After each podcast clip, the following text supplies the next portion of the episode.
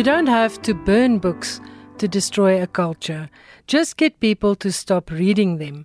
En met daardie wyse woorde van Ray Bradbury, verwelkom ek jou by nog 'n aflewering van Skrywers en Boeke en ek hoop hierdie program gaan jou motiveer om ten minste een van die boeke waaroor ons vanaand gesels te lees. My naam is Elsje Salzwetel, jy is aangeskakel op RSG 100 tot 104 FM en baie dankie dat jy saam met ons kuier. In finansie program gesels ek met Renée Warrington oor haar splinternuwe roman Smit Motors. Ons gaan ook hoor waarna kan besoekers aan die Vrystaat Kunstefees alles uitsien as dit kom by die Vrystaat Kunstefees se boekprogram. En Johan Meiburg is oudergewoonte in die ateljee met sy bydrae oor die internasionale boekewêreld. Ek hoop jy geniet die program. Maar eers 'n bietjie gelukwensinge aan die wenners van die Media 24 literêre pryse. Hierdie pryse word toegekend aan letterkundige werke wat gepubliseer word binne die Media 24 groep gedurende die voorafgaande jaar. Uitgewers insluitende NB Uitgewers se verskillende drukname, Iman en Resou, Tafelberg, Kwela Books en Quillery, as ook Jonathan Bull Publishers se skrywers kom in aanmerking. Die wenner van die Elizabeth Eybers Prys vir 2019 is The History of Intimacy deur Gabeba Baderoon, uitgegee deur Kwela Books. Die wenner van die MER Prys vir die beste Afrikaanse of Engelse jeugfiksie in 2019 is Sally Partridge se boek Mine wat uitgegee is deur Iman en Resou.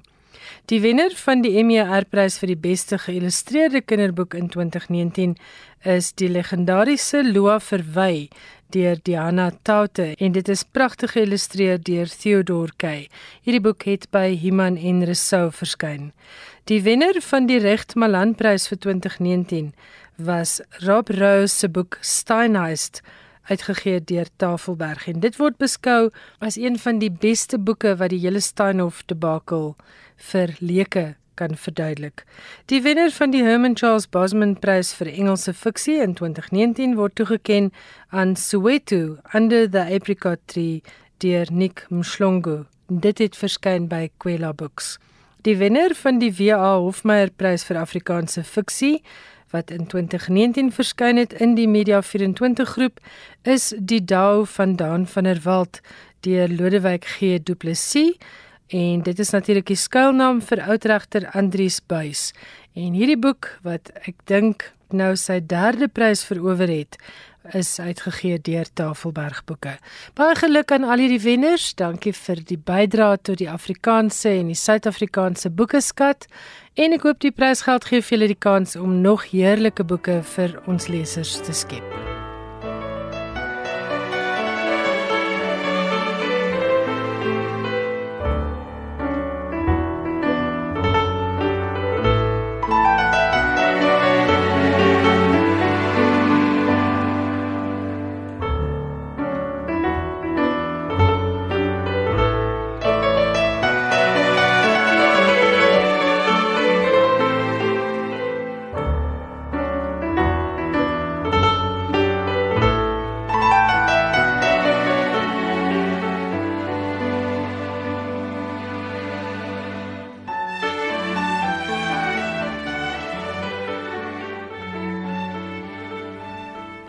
Die kortlys vir die Ingrid Jonker Prys vir Afrikaanse debuut digbundels wat in 2017 en 2018 gepubliseer is, is ook verlede week bekend gemaak.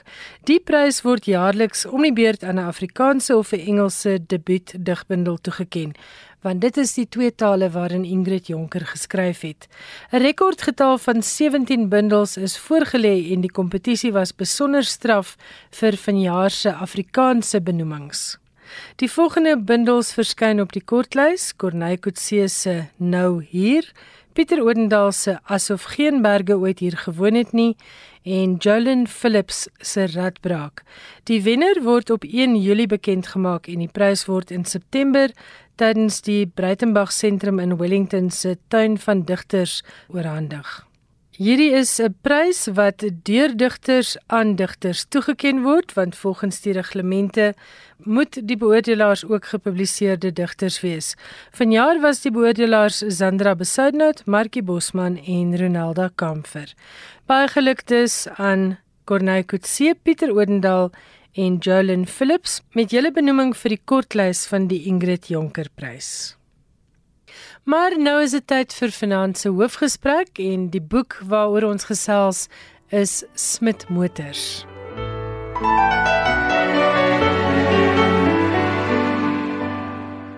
Ek gesels nou met Renée Warrington. Haar splinternuwe roman Smit Motors het onlangs by 'n nuwe druknaam van Lapa Uitgewers verskyn. En Wenkbrau met so astrante Wenkbroukie bo kan die brou is die druknaam van Lapa Uitgewers. Renée, baie welkom by Skrywers en Boeke. Dankie dat jy met ons kom gesels het. Baie dankie vir die geleentheid. Ek is so beïndruk met Smit Motors. Jy skryf so deernisvol oor randfigure. Dis nie vir my 'n uh, sensasionele verhaal oor seksualiteit en 'n gay verhouding nie. Dit is vir my hierdie boek oor die mense wat ons so graag verstoot, die mense wat ons nie eers raak sien nie. Ja. Daar's 'n gestremde kind daarin en ons het nou-nou voor ons op die lig gekom het ook gepraat oor jou vorige roman Oktober waarin daar ook 'n tema is rondom gestremdheid. Vertel vir ons van Oktober en vertel vir ons hoekom is gestremdheid vir jou 'n belangrike ding om oor te skryf? Uh Oktober het in 2012 uitgekom en 50% was autobiografies. Um ek het toegang tot my sussie se kinders verloor en ek het 'n manier gesoek om dit te proses. En so Oktober het begin as notas wat ek geneem het in 'n dagboek. Dit sou nooit 'n boek gewees het nie. En seker 2, 3 jaar nadat ek die notas begin neem het, het ek eendag besluit, kom ek kom ek skryf dit net uit. En ek het dit uitgeskryf en nog 'n jaar later toe sit ek 'n liefdesverhaal by dit en dis so Oktober begin het. Maar 'n tema wat in beide Oktober en Smit Motors voorkom is gestremdheid want ek het 'n baie erg gestremde boetie gehad. Ek was 9 toe hy gebore is en ek het hom aanvaar as my verantwoordelikheid. En hy, hy was baie erg fisies en verstandelik gestremd. En hy het my geleer kommunikeer op 'n ander manier want hy kon nie praat nie. Hy kon sê ja en nee en mamma en op 'n stadium het ek hom 'n vloekwoord geleer. Ek sal dit nou nie herhaal nie. Ja, soos wat ouers susters doen. ja, presies. en ek het hom soos my baba boetie hanteer. Maar as iemand nie kan verbaal kommunikeer nie en jy wil met hom kommunikeer, leer jy baie vinnig 'n ander manier. Ek het byvoorbeeld na sy stemtoon geluister.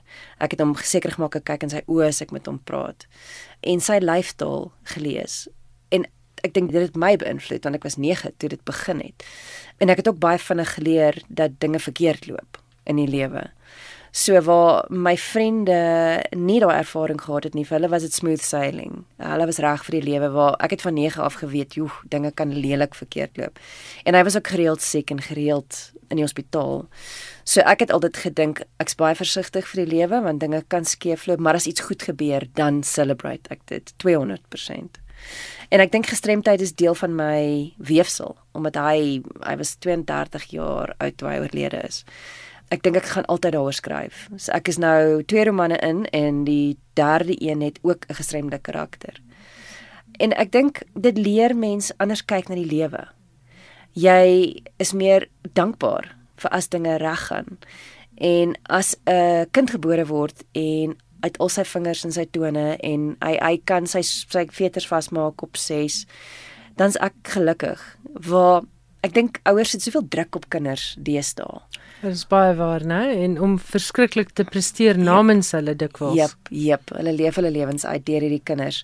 En ek dink is nog 'n tema wat in Smit Motors uitkom is ek praat nie van erge fisiese of seksuele misbruik nie. Ek praat van daai kind wat gedruk word om te presteer of die die oudste seun nie, weet wat die wat die familiename kry. Aan wie die verwagtinge gehang word soos 'n kleed. Presies. Ja. En dit hulle gaan nie fisiese letsels hê nie, maar hulle gaan baie fyn sielkundige letsels hê wat um, baie moeiliker is ek dink om te behandel op die mm. einde van die dag. En om raak te sien in die eerste plek, ook yep. in jouself, né, want jy yep. is nie altyd seker hoe kom jy reageer soos jy doen nie. Nee, nee, soos byvoorbeeld ek wou nooit self kinders gehad het nie.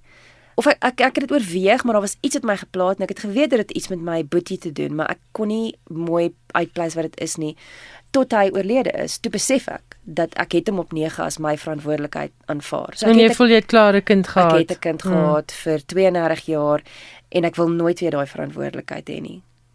En ongelukkig is jou ervaring van jou boetie as kind dan nou 'n groot verantwoordelikheid en 'n groot klomp hartseer. En kind hê is nie altyd net hartseer nie. Daar is ook nee. groot vreugdes. Nee, natuurlik. Ek en my wederal vir 6 peetkinders wat ons weekliks sien. So ons sien ook die plesier. Hulle forceer ons om twee keer 'n week stil te staan en net vir 3 ure saam met hulle 'n film te kyk en 'n bord kos saam te eet. So ons sien ook daai plesier, maar ek dink daai hartseer want om 'n om as 'n gestremde te leef in ons samelewing is hel. Ek gaan nie doekies omdraai nie. Baie mense sê ja, ehm um, weet 'n gestremde sibling of 'n kind word vir jou gestuur want jy weet die Here weet jy kan dit hanteer. En nonsens. Dit is dit is hel. Dit is swaar. Dit is regtig baie swaar. Alhoewel ek ongelooflik lief was vir hom en hy het my soveel geleer en hy het die leeu hart gehad dit was nog steeds hy het in 'n rolstoel gesit. Hy hy kon niks doen nie. Hy kon nie deelneem aan die lewe nie. Hy het onverwaarlike liefde geken in die vorm van my ma.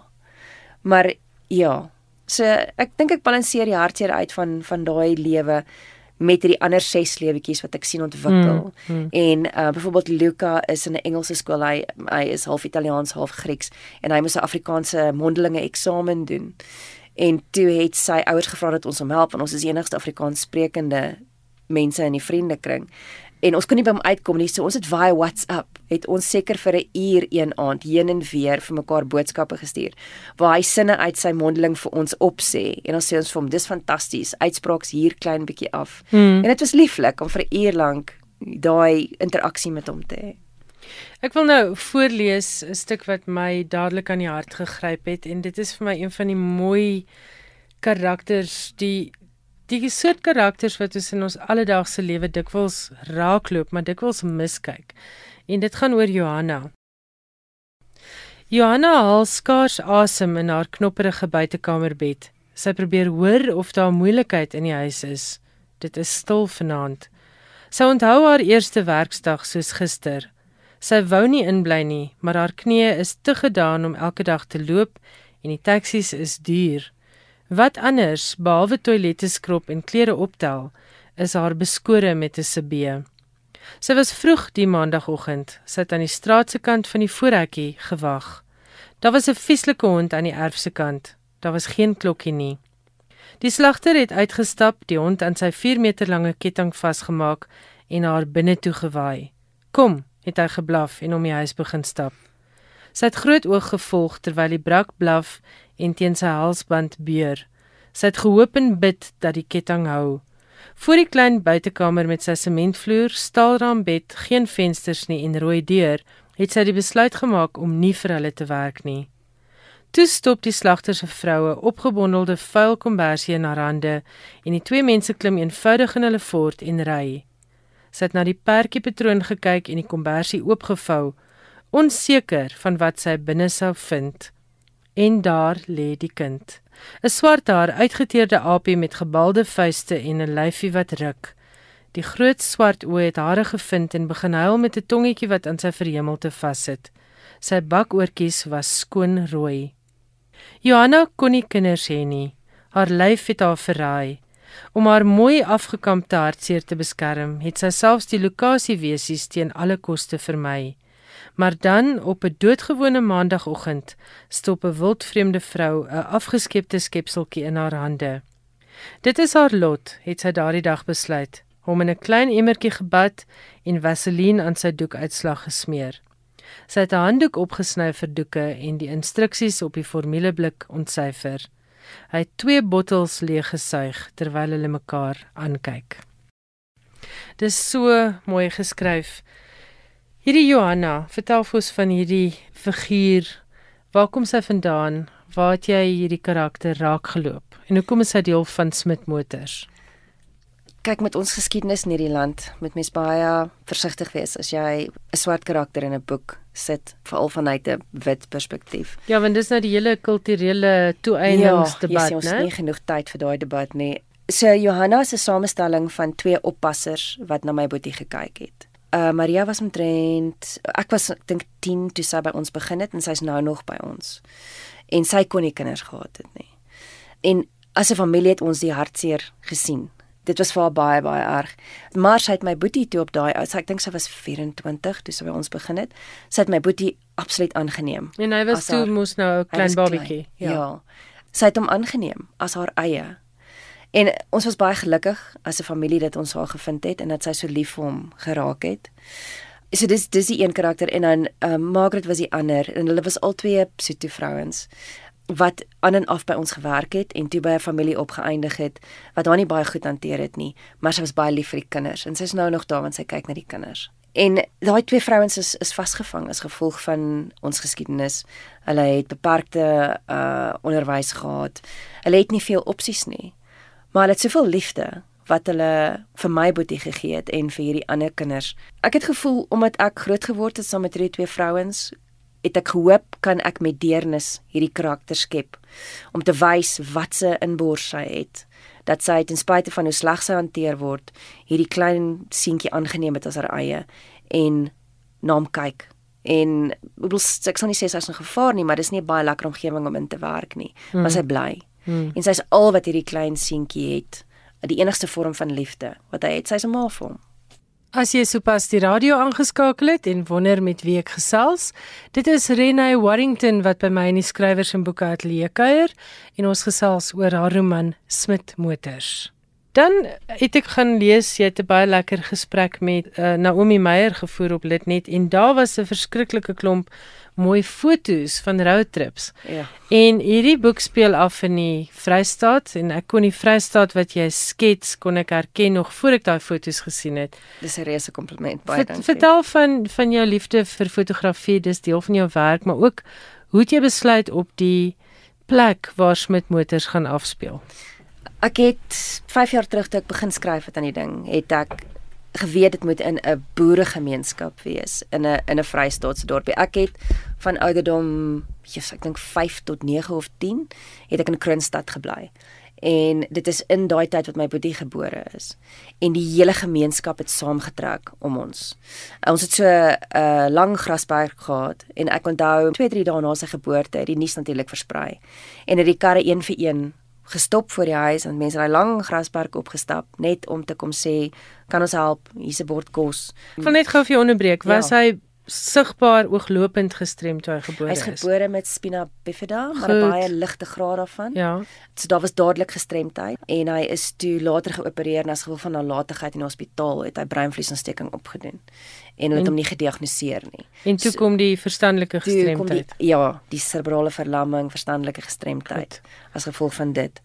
Um so my pa was 'n bankbestuurder, so ons het elke 4 jaar, 5 jaar getrek. So ek het in ek's in Pretoria gebore, maar Kroonstad het het 'n baie groot invloed op my gehad. In die Vrystaat se hartlikheid neem ek aan. Absoluut. Absoluut. So as ons ry as ons in die kar klim met die tent agterin, fietsse agter op die kar, dan tref ons nie 'n teerpad nie. Ons vat die eerste grondpad wat ons kan en ons ry. So ek wou iets vasvang van die die beauty van die Vrystaat. Maar ook ek dink toe ek die boek begin skryf het, was dit 'n baie arrogante poging. Ek wou Petra die hoofkarakter na die klein dorpie toe stuur en en sy moes hulle gaan uitsort, hulle 'n paar lesse gaan leer. Hulle hulle 'n paar lesse leer. en gelukkig het ek toe 'n paar lesse geleer in die 10 keer wat ek die manuskrip oorgeskryf het. En ek dink hier by die 5de 6de weergawe was die windgat gehad by die deur uit.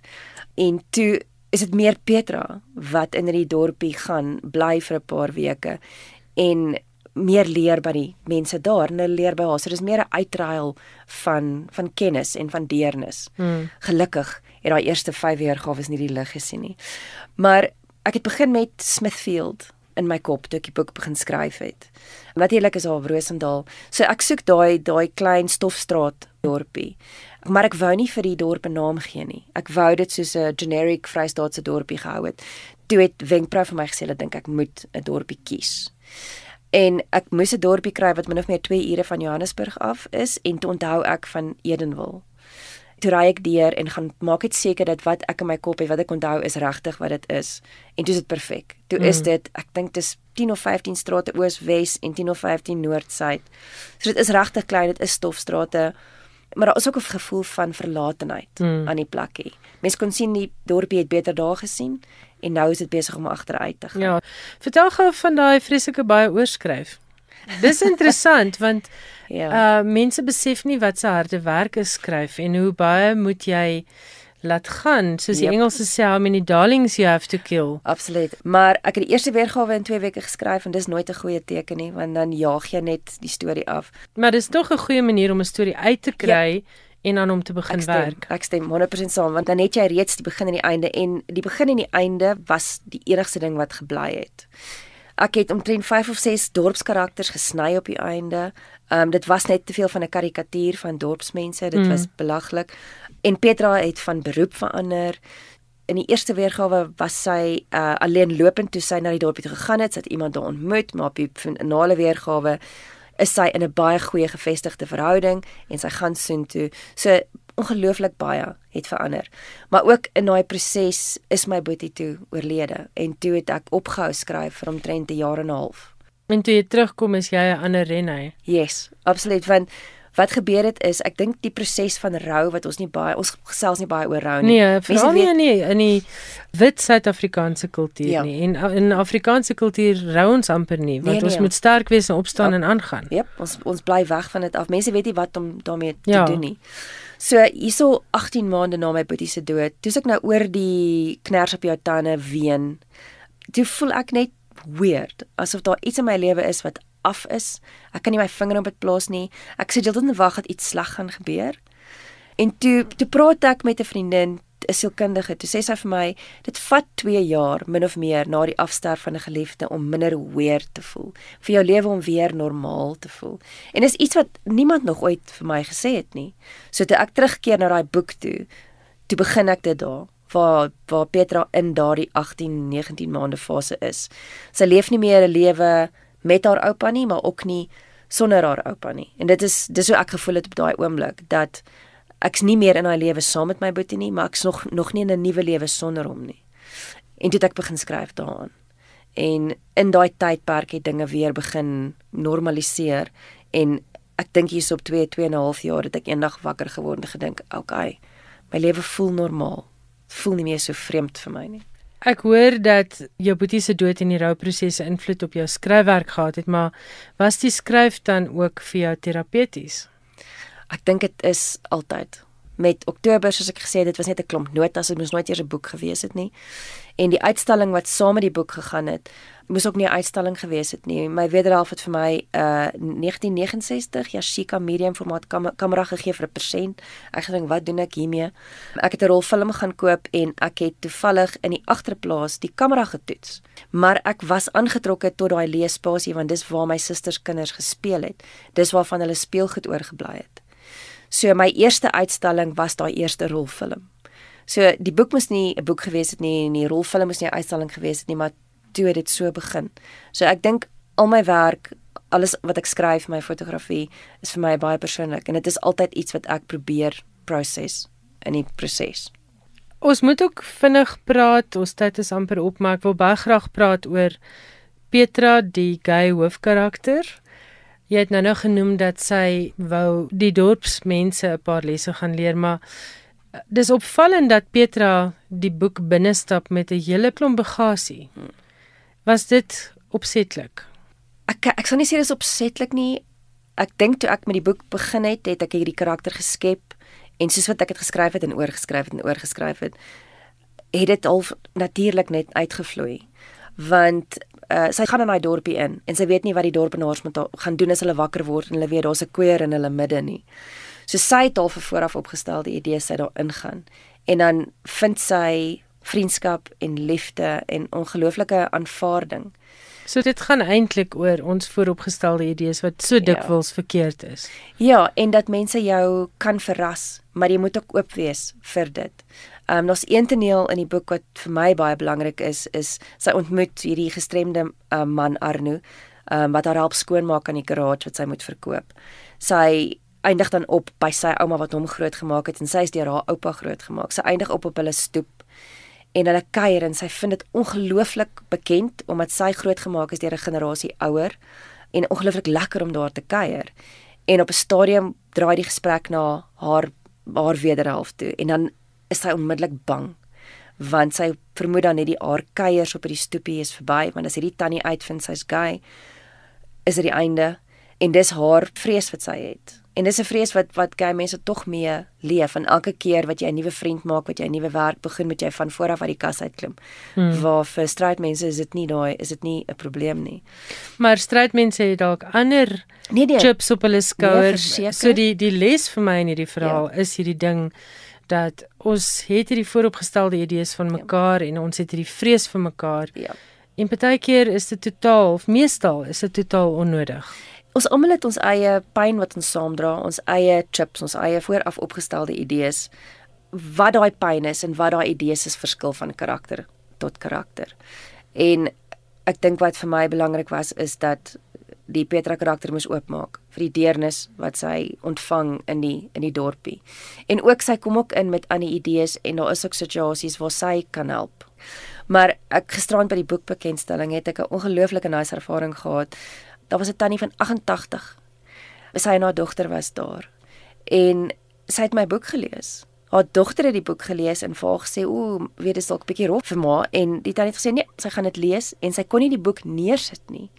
En sy het sy het gisterand na my toe gekom na die tyd en my hand kom vashou en net vir my gesê sy het stukke oor en oor gelees. Dit vir dit was vir haar die mooiste boek. Ek het 'n fan van 88 En dit is nie die persoon wat ek gedink het is my ideale leser nie. Ja, nie dat ek weet ja. wie die ideale leser is nie, maar dit sê vir my baie. Dat dit tannie van 88 op 'n weksaand uitkom, my boek gelees het en my hand kom vas ou met my kom gesels. En ek dink dit is vir my die lekkerte van Smit Motors dat ek dit ook ervaar het as die soort boek wat bru kan bou. Smit Motors word uitgegee deur Wenkbrau en dit is 'n druknaam van Lapa Uitgewers. Skrywers en boeke elke woensdag aand tussen 8 en 9. Die Vrystaat Kunstefees vind van 1 tot 7 Julie plaas op die Universiteit van die Vrystaat se Bloemfontein kampus. En om te hoor waarna lesers alles op hierdie program kan uitsien, gesels ek nou met Cornelie van der Berg en sy is die boekprogram van die Vrystaat Kunstefees se organiseerder.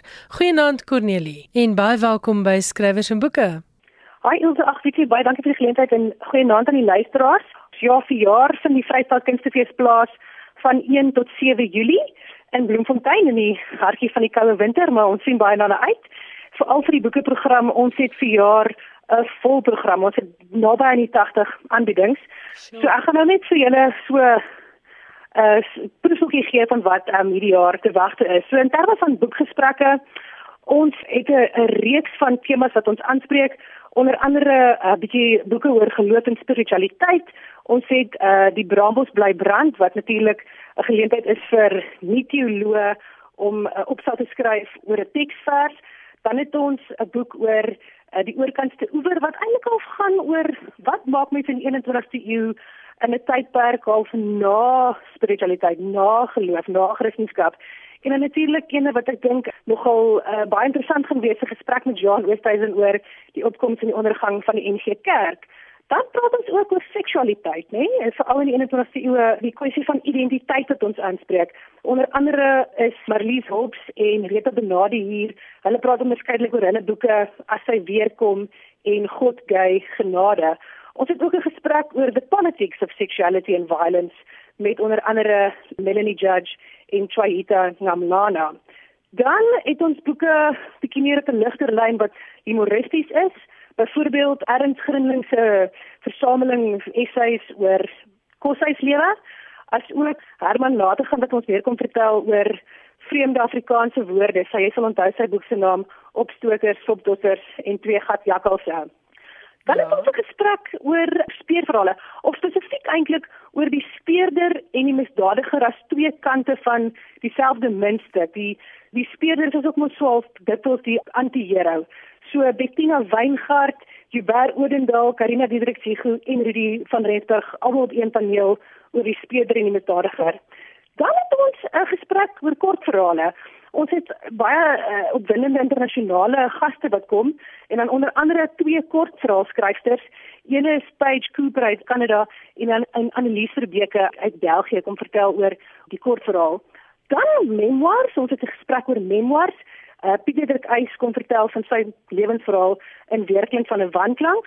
Ons het ook verskeie gesprekke oor grensverhale, onder andere een met Alexander Straggen oor een rekkie en 'n volgende gesprek met uh, Jaco Wolmerans en Hans Pinaar oor hulle romans Bos en die generaal.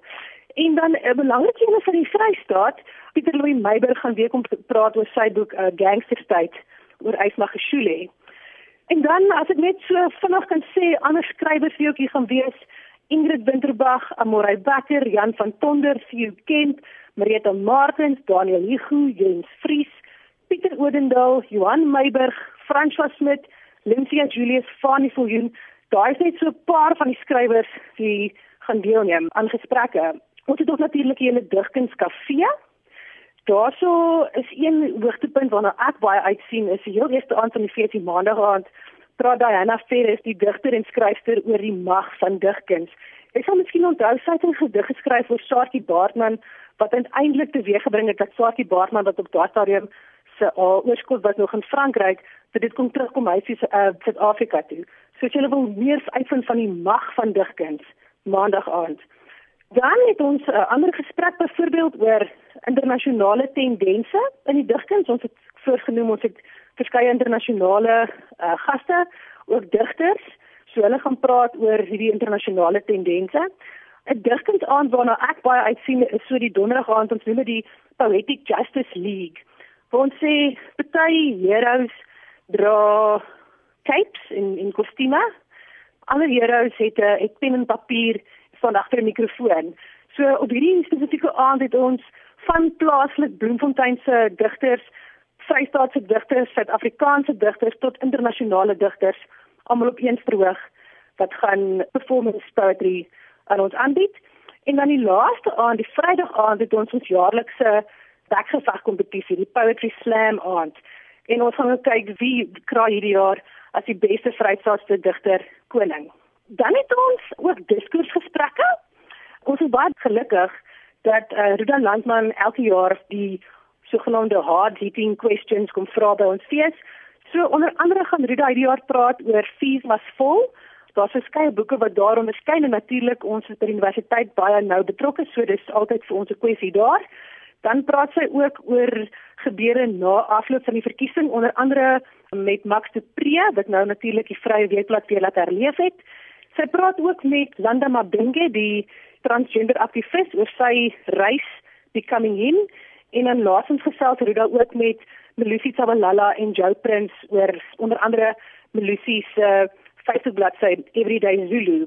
So dan het ons ook elke oggend ons kinderstorie uur wat ons gratis aanbied uh vir kinders. Um, dit is een van ons uh doelwitte is om ook 'n leeskultuur te ontwikkel. So daarom het ons spesifieke aanbiedinge vir kinders. Die eerste oggend, dit nou eintlik die Dinsdagoggend is, kom vertel Piet Berends, hy is 'n uh, Khoisan aktivis. Hy kom leer die klein span hoe om te lees, maar wanneer ek sien lees bedoel ek oppervlaktes en blare en plante en diere. So ek dink daai is iets vir alle ouderdomme. Dan het ons rondom Tali, dit is kinderstorie skrywer Jaco Jacobs. Hy het rymbies en versies geskryf wat die sangeres Anna Davel daarna getoon het. So sy kom sing eintlik vir die kleintjies hierdie rymbies en versies. Ons het ook 'n oggend van uh, poppeteater wat Puppet Park aanbied En dan nog eene wat ek dink is 'n wonderlike geleentheid is Koos kom bys kom lees vir die klein span voor uit sy nuwe kinderstorieboek Eben die ellendige eenhoring. So as jy wil hê Koos kom bys om vir jou kleintjies storieboek lees, moet jy Vrydagoggend daar wees. Dan as ek net nog twee goed vir jou kan noem, Ilse, ons het 'n hele reeks gesprekke aandringe eintlik by Nallen Hulde aan Helde waar ons Afrikaanse Suid-Afrikaanse skrywers uh ere betoon. Hierdie jaar het ons AG Visser, MM Walters, Karel Skooman, Etienne Leroux en Philip de Vos. So almal is baie welkom om ook by Nalene draaitjie te kom maak en dan laastens het ons 'n hele reeks werkswinkels ook. Ons het werkswinkels in draaiboekskryf, in fiksie, verhale, in digkuns en dan ook seminare hoe om 'n toneel te skryf en ook as jy wil weet hoe word mense literêre agent 'n seminar wat eintlik aangebied word deur Dorien Holman 'n internasionale agent uit Vlaandere. Sjoe, dis omtrent 'n vol program. Jy sê daar's nee. meer as 80 boekdinge by die Vrystaat Kunstefees. Yes. En waar bespreek mense? Hulle kan kaartjies bespreek oor Kampioenticket, dit is landwyd beskikbaar. Goed. En die datums net weer is 1 tot 7 Julie. 1 tot 7 Julie op die Vrystaat kampus. Ek het gesels met Cornelie van den Berg. Sy is die programkoördineerder vir die boekeprogram by die Vrystaat Kunstefees. Skrywers en boeke.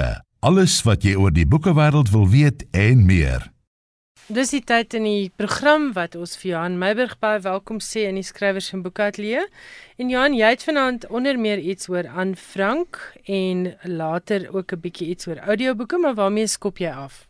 Penguin Random House in Brittanje was onlangs genoop om een van sy boeke onder deeglike hersiening te neem nadat die uitgewer daarvan beskuldig is dat een van sy publikasies antisemitiese sentimente sou verwoord. Die boek het eers in Spaans verskyn en daarna in Engels as How They Rule the World. Die boek is geskryf deur Pedro Banos, 'n man wat beskryf word as een van Europa se topspesialiste in die veld van geopolitiek, terrorisme en intelligensie. Dit was die skrywer Jeremy Duns wat Penguin se aandag gefestig het op antisemitiese verwysings, beginnende by die buiteblad waarop 'n seekat afgebeeld word. Die seekat word lank reeds verbind met antisemitisme. In sy Mein Kampf het Hitler onder meer die seekat as simbool gebruik vir wat hy genoem het die Joodse sameswering met die oog op wêreldoorheersing. Maar die probleem was veel meer inhoudelik, het Dans aangevoer. In die Engelse weergawe is dele glo verwyder oor die invloedryke Rothschilds familie. Volgens Dan skep dit 'n probleem omdat die uitgewer daarmee erken die dele in Spaans is problematies. Die skrywer, 'n oud kolonel in die Spaanse weermag, het intussen in onderhoude met die Spaanse media die Rothschilds met die Illuminati vergelyk. Hy het by geleentheid ook Israel daarvan beskuldig dat die land agter die moord op John F Kennedy sit. In 'n verklaring het die uitgewer gesê hy is bewus van die ernstige besware teen die boek en dat hy ondersoek instel na die boek sowel as die skrywer.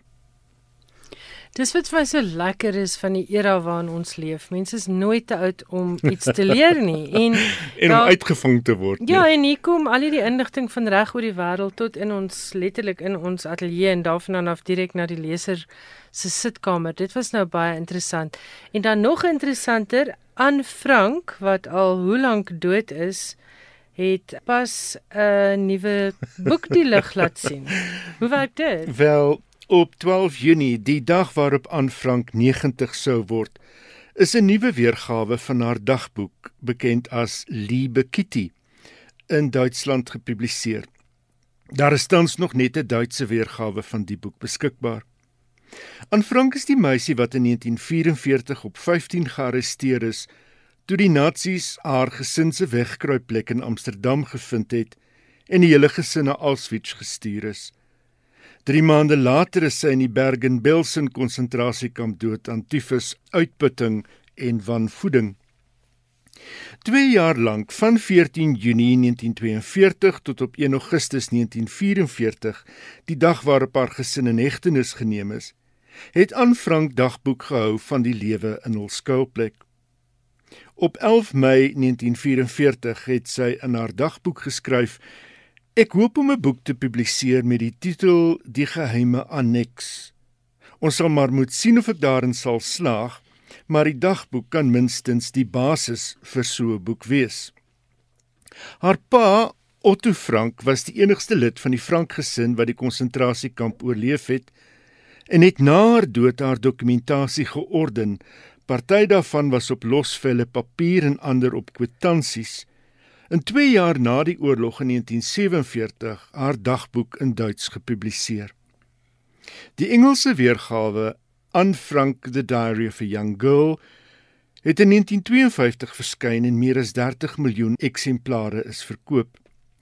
In Maart 1944 het die Nederlandse minister van onderwys oor 'n onwettige sender van die BBC 'n beroep gedoen op mense om hul briewe en dagboeke met oorlogservarings beskikbaar te maak vir die dokumentering van die Nazi besetting. Verbeel jou hoe wonderlik dit sal wees as ek 'n roman kan uitgee oor die geheime anneks, het Frank aan haar denkbeeldige vriendin Kitty in haar dagboek geskryf. Die radio-uitsending moes haar aangevuur het, want teen die tyd dat hulle gearresteer is, het sy reeds 215 bladsye geskryf gehad. Die manuskrip was meer as 'n kopie van die dagboek en veel eerder 'n selfkritiese verwerking daarvan.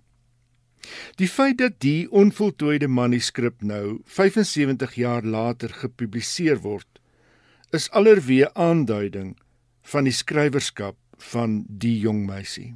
En dink net wat sou sy kon skryf as sy nie so jonk dood is nie. Presies dit. Het jy gesien daar's nou weer 'n uh, oplewing in ofwel, ek weet nie of dit ooit uh, uit die mode sal raak nie as mense dit nou so kan noem, maar daar's nou weer 'n nuwe boek oor die Nazi konsentrasiekampe en ek dink sy naam is iets soos the Auschwitz tattooist of, of so iets. Dit ja. gaan oor iemand wat die tatoeëerwerk op die ja. Jode moes gedoen het. Ja. Ek dis dis een van daai letsels wat ek dink miskien vervaag maar weggaan nooit. En altyd stof tot nadenke gaan bied deur die verskillende hoeke wat ons daaroor lees. Goed, dan is daar audioboeke. As jy moet pendel in padwoede daagliks wink, is dit dalk nie so slegte idee om audioboeke te oorweeg nie. Ek hoor nou die dag van iemand wat sê sy woon in Pretoria en werk in Sandton en as dit nie vir audioboeke was nie, was sy lankal haar varkies kwyt.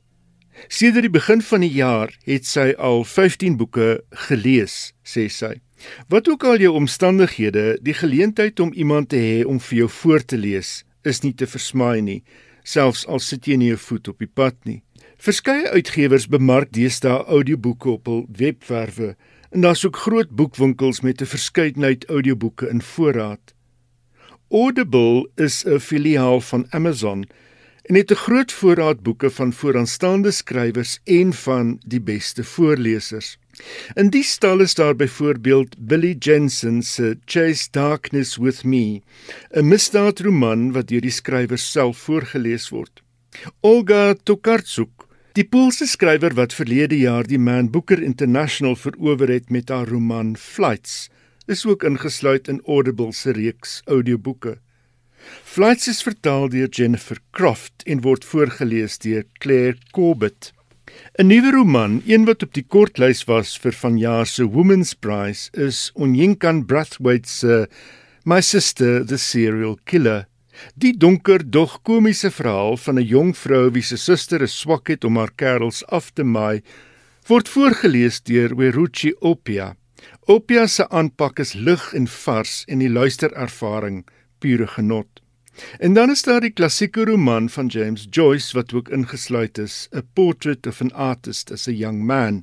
Miskien is Joyce by uitstek die skrywer wat 'n mens voorgeles moet hoor, veral as die voorleser Colin Farrell is. Hier is so 'n lusmaker met Farrell aan die woord oor sy voorleeservaring van die boek en ook 'n voorsmaak van die boek wat oorspronklik in 1916 gepubliseer is. It is about a young man's journey toward, a, or a young boy's journey toward manhood, as experienced through his inner world, the tumult and the confusion and the guilt and the shame and the curiosity and the disgust and the hope and the beauty that he feels within as he sees himself in relation to the world around him. He shivered and yawned it would be lovely in bed after the sheets got a bit hot. First, they were so cold to get into. He shivered to think how cold they were first, but then they got hot, and then he could sleep. It was lovely to be tired. He yawned again. Night prayers and then bed. He shivered and wanted to yawn. It would be lovely in a few minutes. He felt a warm glow creeping up from the cold, shivering sheets, warmer and warmer till he felt warm all over, ever so warm, and yet he shivered a little and still wanted to yawn. I've found the experience of reading this book out loud, you know, we do 80, 90, 100 pages a session, almost like an incantation. And the writing is so extraordinary, and the thoughts and feelings that are expressed are done so in such a powerful way that, that yeah, it, it has um, it's made me miss home more. It's made me grateful to be from the part of the world that I'm from with the rich cultural heritage that we have in Ireland. And I didn't expect that. I mean, I just thought, you know, as I said, honestly, joking, but honestly, it was good work and the opportunity to read such an Irish classic. As I said, I hadn't read it in over 20 years, but, but it's been a more, a more profound experience than I thought it would be.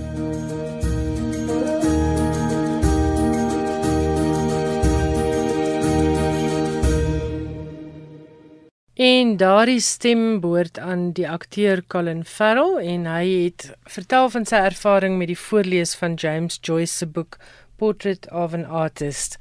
En as jy lus het om hierna bietjie meer uit te vind oor audioboeke, gaan maak gerus 'n draai op audible.com. Dit is dan al wat vir ons tyd het in finansies skrywers en boeke. Die SMS nommer is 45889. Elke SMS kos R1.50. Of stuur vir my e-pos na skrywersenboeke@rsg.co.za.